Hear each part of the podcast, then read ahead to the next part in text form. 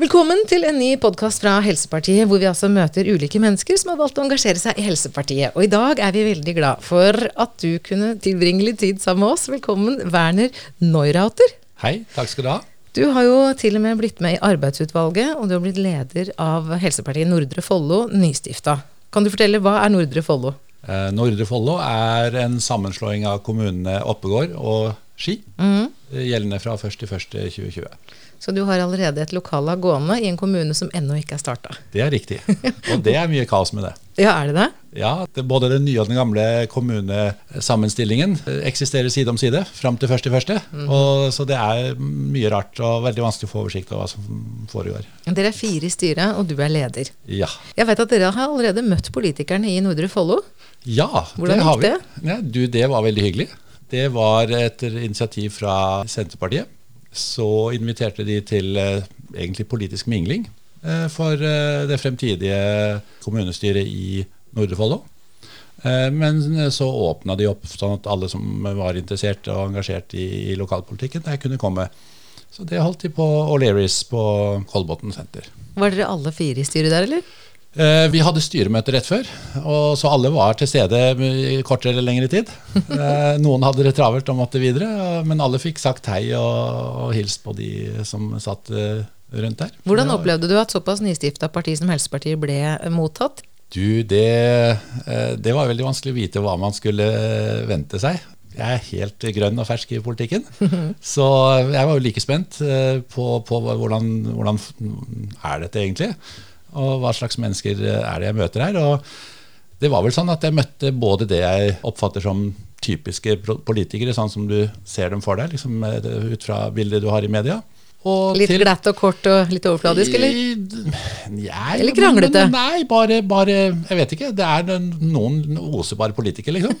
Eh, Uten at det er noe, bør være noe spesielt negativt med det, men bare sånn Ja, det er, vedkommende er politiker. Det makes sense. Mhm. Og så var det andre som eh, hadde enten bare veldig kort eller ingen fartstid i politikken, de også.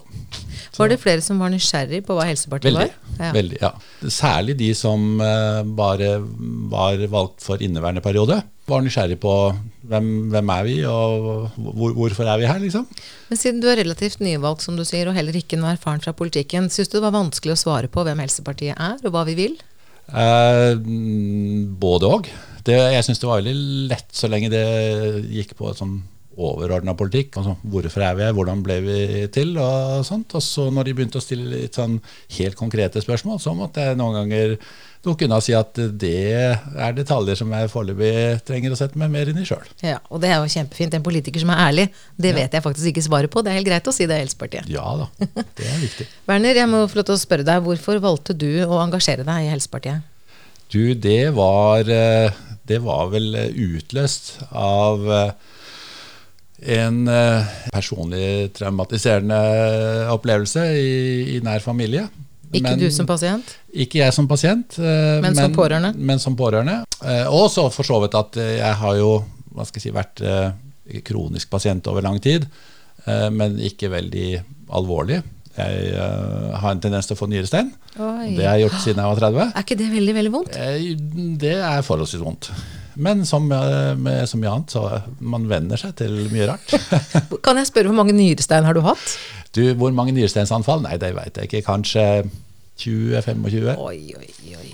Men nå kjenner du igjen og vet hva det er for noe? Eh, Ja, og jeg visste det faktisk allerede første gangen. Fordi min, det hadde min far også, nemlig. Så jeg- dette er arvelig. dette er arvelig, og så jeg hadde allerede fått en, en slags eh, innsikt i hvordan det foregår. Og ikke minst også da den kunnskapen om at det er ikke akutt krise. altså Du skal ikke dø. Men, men det kjennes sånn? men det er sånn? vondt. Hva skal jeg si? De, de som sier at det kan sammenlignes med å føde. Ja, nettopp. Så noen Fødsel. menn har nesten erfart det. Eh, Ja, uten at jeg skal påberope meg noe sånn med mer eh, dypere innsikt av den grunn. Men dette var en erfaring, eh, grunnen til at du engasjerte deg i Helsepartiet, var en erfaring som pårørende. Fikk du da se et helsesystem som både fungerte og ikke fungerte, eller hvilke erfaringer gjorde du deg der? I og for seg akkurat den samme som jeg har gjort som pasient over mange år. Det er altså Du ser et tosidig helsevesen. Et som er veldig gode på akuttmedisinske forhold. Veldig flinke, dyktige fagfolk. Engasjerte mennesker som er gode i jobben sin. Og så er det en side av helsevesenet som er eh, skikkelig problematisk. Og det er basically alt som handler om det jeg kaller logistikk, da. Altså det, og samhandling. Altså dette å få ting til å fungere. Til å, Også kalt oppfølging og omsorg? Og inkludert oppfølging og, og, omsorgsbiten. Spesielt den oppfølgingsbiten er jo noe som åpenbart uh, skaper store utfordringer hele tida. Men dette var innenfor spesialisthelsetjenesten sykehus? Det var det. For min del så har det jo vært at uh, altså Det har ikke vært veldig alvorlig, men det er jo registrert ganske tidlig. Det er at uh, du må på en måte ha være ressurssterk sjøl mm. uh, for å nyte godt av helsetilbudet. Og det er det så altfor mange som erfarer. Ja. Jeg var på et uh, møte, et sånt foredrag, og der var uh, Tuva Moflag fra Arbeiderpartiet. Hennes mann har fått MS, og hun sa akkurat det samme. Mm. Det jeg erfarer som pårørende, er at man må navigere, man må bli en navigatør i et helsevesen. Og det hadde hun tydeligvis ikke trodd at skulle være sånn, og du opplevde akkurat det samme? Akkurat det samme, og i tillegg så er jo hele familien på en måte erfaringsbelastet på ulike vis i, i helsevesenet. Min samboer er jo da også fagarbeider, hun er lege.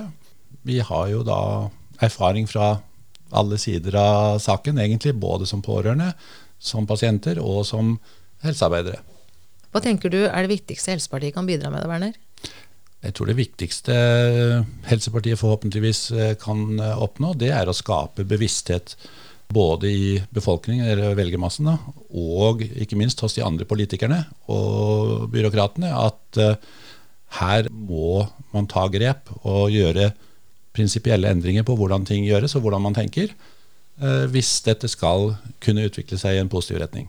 Hvis ikke så ser det veldig mørkt ut. Da beveger vi oss mot et system som minner veldig om det vi ikke liker når vi ser over eh, dammen til USA og sånt, og hvor, hvor, hvor vi får et helt klart klasseskille. De som er ressurssterke, de kan få de helsetjenestene de har behov for, og de som er mindre ressurssterke, de sliter mer og mer. Og så har man jo pleid å si at det britiske helsevesenet ligger 16 måneder foran det norske. Det er i ferd med å bli sterkt utarmet, og vi har jo så langt fulgt tett på. Tror du at et helseparti kan utgjøre noen forskjell? Uh, ja, jeg, jeg, tror jo det. Uh, hvis ikke så måtte jeg funnet en annen måte å engasjere meg på, men, men uh, det har jeg tro på. Jeg har tro på at hvis man er, har tilstrekkelig fokus, har legitime saker og hensyn som folk kan forstå, gjelder faktisk dem. For vi snakker om ting som er av avgjørende betydning for helsetilbudet for minst to generasjoner fram i tid nå. På ting som foregår bare nå. Nedleggelsen av Ullevål, mulig bygging på Gaustad. Ja. Kon store konsekvenser for 2,9 millioner innbyggere på Sør-Østlandet. Store konsekvenser, og ikke bare på økonomi, men på grunnleggende organisering av helsevesenet. Og mesteparten av disse tingene er jo ikke ute i det offentlige rom i det hele tatt. Dette foregår eh, i små eh, fora og, og, relativt skjult for eh, både sikkert brorparten av stortingspolitikerne og velgerne. Og Det fikk jo vi et ganske godt innsyn i da du snakket til Stortinget i et møte arrangert av Senterpartiet, Miljøpartiet De Grønne, Sosialistisk Venstreparti og Rødt på Stortinget i uken som nettopp gikk. Ja. Hvordan opplevde du møtet med Stortinget og det å tale til stortingsrepresentanter og diverse andre interesserte? Uh, nei, det var jo selvfølgelig en litt sånn uh, småskremmende opplevelse på, for, når man var førstereisgutt. Uh, men det var egentlig overraskende hyggelig og avslappet stemning i lokalene. De var det, da i kinosalen, ikke i selve stortingssalen. Nei, og det er jo greit at de høringene er ikke direkte i, i Stortinget. Det blir nok litt større. Men der, der, slipper man vel ikke inn uten å være valgt inn, omtrent. Nei. Og det var mange, altså det var jo veldig mange, mange flere enn jeg hadde trodd, som hadde møtt opp og som var engasjert i temaet. Det var stappfullt. Det, det var stappfullt, så det var jo det veldig hyggelig og, og, veldig spennende å se at uh, man faktisk ønsker å få litt dypere innsikt i hva som egentlig skjer. Og at Helsepartiet var innkalt med vi var vel hele ni representanter som ja. bidro til å belyse hva konsekvensene blir for resten av Østlandet hvis eh, Oslo stikker av med 30-50 milliarder kroner til sykehusbygging. Men, men, det du fikk høre fra de andre, eh, fikk du respekt for stortingsrepresentantjobben? For politikerne generelt? Eh, det var vel både òg, må man være ærlig og si. Eh, og det, den, altså de to tingene som var gjennomgangsmelodien, det er at i politikken, altså i storting og regjering, så kan man tillate seg mye mer enn jeg hadde forestilt meg, på tross av at jeg er ganske skeptisk i utgangspunktet.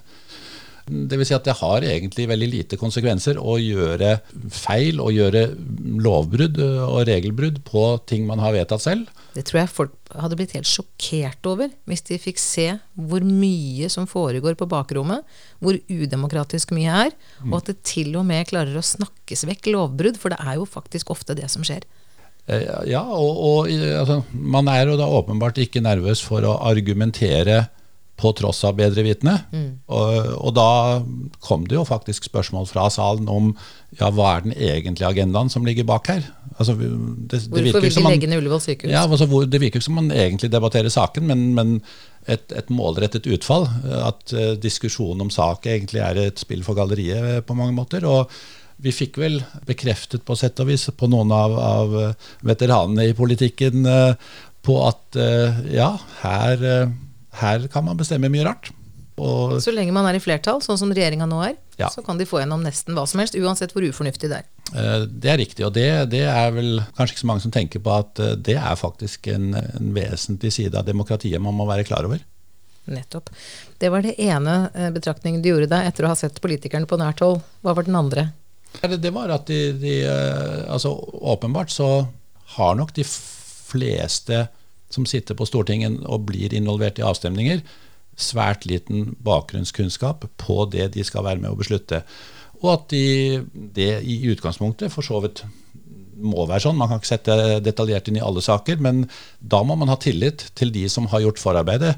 Departementene, direktoratene og politikerne eller, eller representantene som legger fram forslagene. Eh, skal ha gjort en skikkelig jobb og, og skal ha informert på måte, Stortinget på en ordentlig måte. Og det ser vi at er, der er det mye å hente. Der er det veldig mye å hente.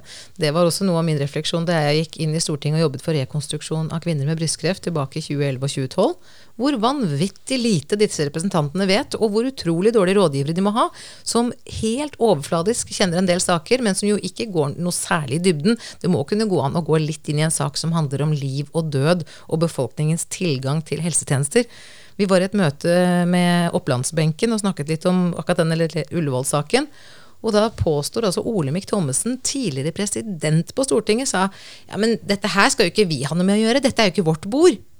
Jeg måtte rett og slett ta ham i lekse og si at hvis ikke liv og helse er vesentlig oppgave av det du gjør som stortingsrepresentant, hva er det da?